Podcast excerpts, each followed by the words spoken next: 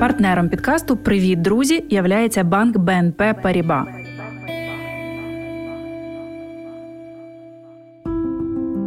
Добрий ранок, ми з України. Я Євгенія Мотрич, журналістка і редакторка українського телеканалу. А нині зі своїм семирічним сином вимушена переселенка. На власному досвіді знаю, як непросто опинитися в чужій країні і адаптуватися до нових умов. Тож відтепер шукаю і перевіряю для вас найголовніше для і про життя тут у Польщі. Сьогодні п'ять найкращих місць для відпочинку у Польщі біля моря, про те, як зібрати дитину в табір, про курси самооборони для жінок у Кракові, йогу для дітей у Варшаві і де шукати інформацію про активності у вашому місті. Про море у Польщі у більшості вимушених переселенців з України вже закінчилися 90 днів без візу. Тобто, якщо не маєте спеціальних віз чи інших документів, які дозволяють мандрувати, не зможете звідси поїхати з дітьми на море до котроїсь з країн шенгенської зони. Тому пошук місць відпочинку звужується до кордонів Польщі. Але тут є вибір. Попри прохолодне Балтійське море на його польському узбережжі є безліч надзвичайно гарних місць для відпочинку. Зібрала п'ять найпопулярніших. Владиславово містечко на Хельській косі, пляжі в оточенні лісів, є колоритний старовинний маяк і будиночок рибалки. Для дітвори кілька парків розваг, кав'ярні і ресторанчики зі свіжими морепродуктами. І чим далі від пляжу, тим дешевше вам обійдеться обід. Зупинитися можна у недорогих гостьових будиночках. Свінойонсце морська гавань ще це на місто в західно-поморському воєводстві Польщі, близьке до німецького кордону, багате на історичні пам'ятки з хорошою транспортною розв'язкою на курорті широкі, неймовірно чисті піщані пляжі, пологий берег і найтепліша вода на польському узбережжі. Зупинитись можна в санаторіях чи доступних за цінами приватних садибах.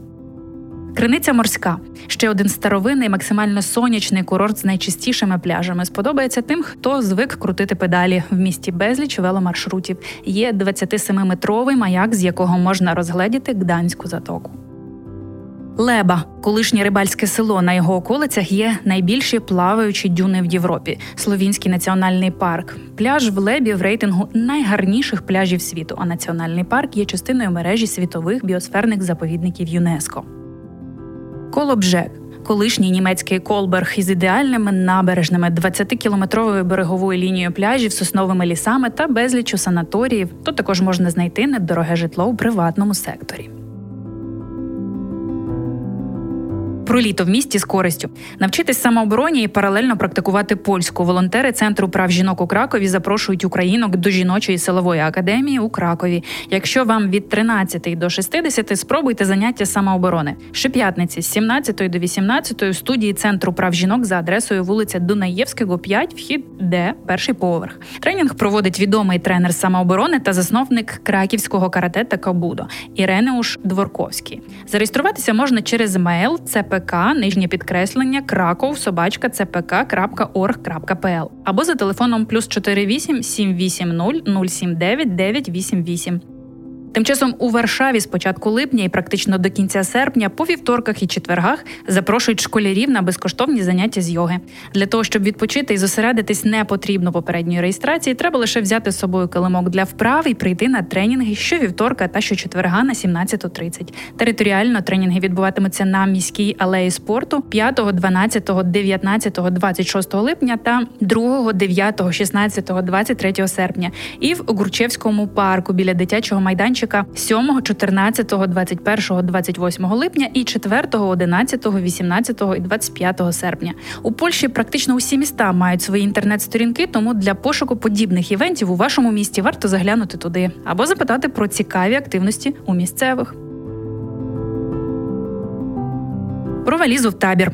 Міністерство освіти і науки Польщі зібрало головне, що варто зробити батькам перед тим, як відправити дитину в літній табір, особливо якщо це для вас і для неї новий досвід. Перше, узгодьте список дозволених речей з організаторами табору, приміром, наявність і користування мобільним телефоном чи планшетом.